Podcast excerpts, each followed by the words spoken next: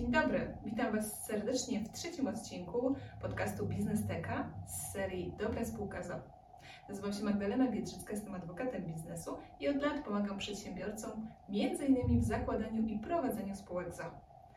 W dzisiejszym odcinku powiemy o tym, czego nie ma w umowie spółki ZO, którą zawieracie przez system S24. Polecam obejrzeć drugi odcinek z niniejszej serii, w, której, w którym omawiam różnice pomiędzy zawarciem umowy u notariusza oraz zawarciem umowy przez system S24.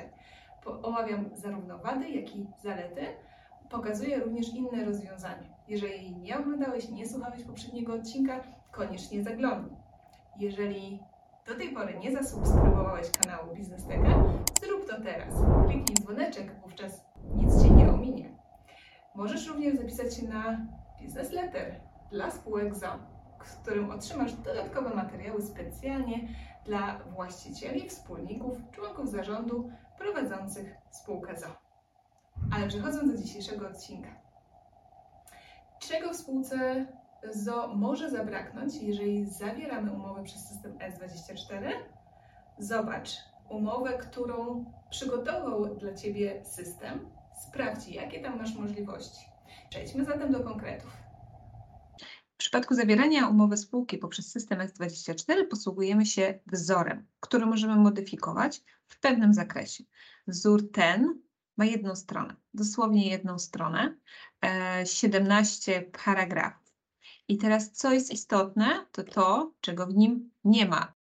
Czego zatem brakuje nam we wzorze umowy spółki ZO e, w przypadku wzoru w systemie S24? Jest kilka takich e, elementów, o których chciałabym dzisiaj powiedzieć. To nie znaczy, że to są wszystkie elementy. Przede wszystkim to, o co mnie pytają klienci, to możliwość zawarcia artykułu 176 KSH, czyli powtarzających się świadczeń. Nie możemy tego zrobić jeżeli chodzi o e, wzór i umowę w systemie S24. Nie ma takiej możliwości, że jeżeli chcemy wprowadzić tak, e, takie świadczenia i możliwość wypłaty z tego tytułu na rzecz e, wspólników wynagrodzenia, wówczas musimy zmienić umowę u notariusza. Kolejna kwestia to są dopłaty. Niektórzy wspólnicy na początku przewidują, że będzie konieczność dopłat, chcą to uregulować już od samego początku nie mogą tego zrobić w systemie S24. Co dalej? Reprezentacja.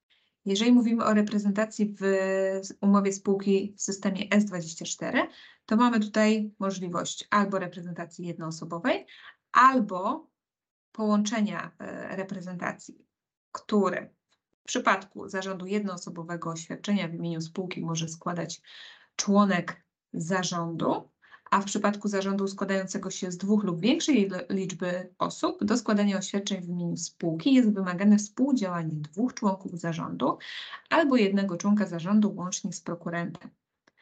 Mamy zatem dwie alternatywy. Nie możemy zmieniać tego sposobu reprezentacji, chociażby na taki, że prezes zarządu decyduje samodzielnie, a pozostali członkowie zarządu muszą e, decydować wspólnie z prezesem albo z innym członkiem zarządu. Takiej możliwości w systemie ES24 nie mamy.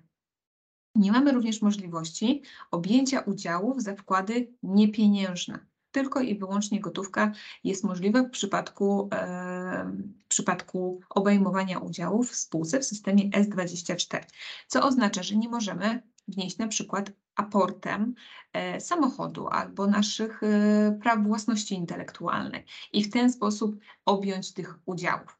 Nie możemy również objąć ich za kwotę przewyższającą wartość nominalną. Czyli jeżeli mamy spółkę, która mm, której kapitał zakładowy wynosi 5 tysięcy złotych, to dokładnie 5 tysięcy złotych musi być wpłacone. W przypadku spółki u notariusza możemy założyć spółkę, która również będzie miała kapitał zakładowy 5 tysięcy złotych, ale możemy wnieść, e, wnieść celem objęcia tych udziałów przedmiot e, lub prawo, którego wartość jest większa. Na przykład jest wart 10 tysięcy złotych. W przypadku umowy spółki w systemie S24 nie mamy również zbyt wielkiej możliwości zmiany kwestii zbycia udziałów. Tak naprawdę ogranicza się to tylko i wyłącznie do pytania, czy zbycie wymaga zgody spółki, czy nie. Nie zabezpiecza nas to e, w wielu sytuacjach. w umowie u notariusza możemy to zmienić, na przykład wskazując e, pierwszeństwo, prawo pierwokupu, określając w jaki sposób te udziały mogą być nabyte. Tu również warto poruszyć temat umorzenia udziałów. W przypadku e, umowy spółki w systemie S24 możemy jedynie zastrzec dobrowolne umorzenie udziałów. W umowie u notariusza możemy wskazać również inne formy, na przykład przymusowego e, umorzenia udziałów, jeżeli dany wspólnik w spółce ma już nie funkcjonować. Warto zatem o tym pomyśleć, jeżeli mamy kilku wspólników e, i chcemy się zabezpieczyć przed sytuacjami, w których będziemy mieć wspólnika, z którymi chcemy dalej funkcjonować i prowadzić spółki. Nie ma również w umowie spółki poruszonej kwestii dziedziczenia. Jeżeli wspólnik, e, jeżeli wspólnik umrze, wówczas jego udziały są dziedziczone. Teraz u notariusza możemy taką kwestię uregulować w umowie spółki i na przykład to dziedziczenie wyłączyć z obowiązkiem chociażby spłaty.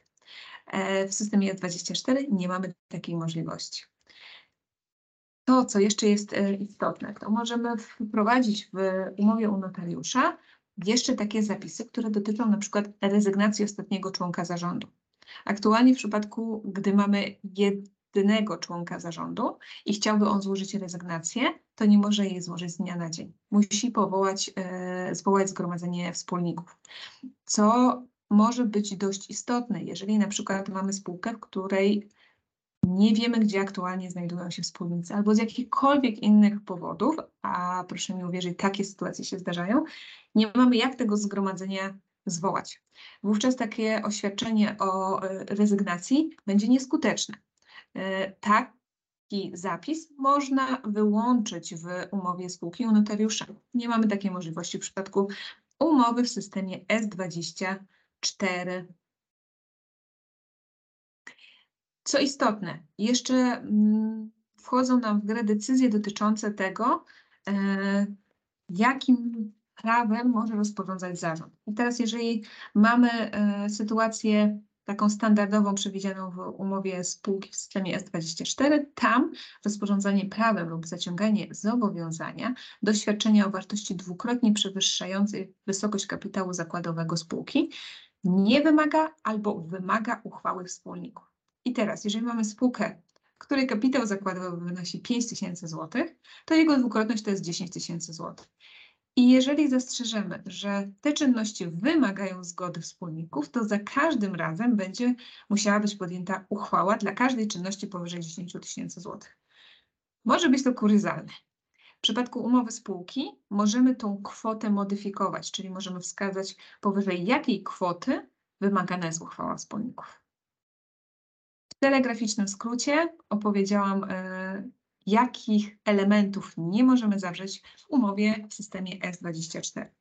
Jak widać, jest tego dość sporo i wszystko zależy od tego, jakie są nasze oczekiwania. I jeżeli te kwestie są dla nas ważne i chcielibyśmy je jednak uregulować, to wówczas zdecydowanie polecam zawrzeć umowę u notariusza.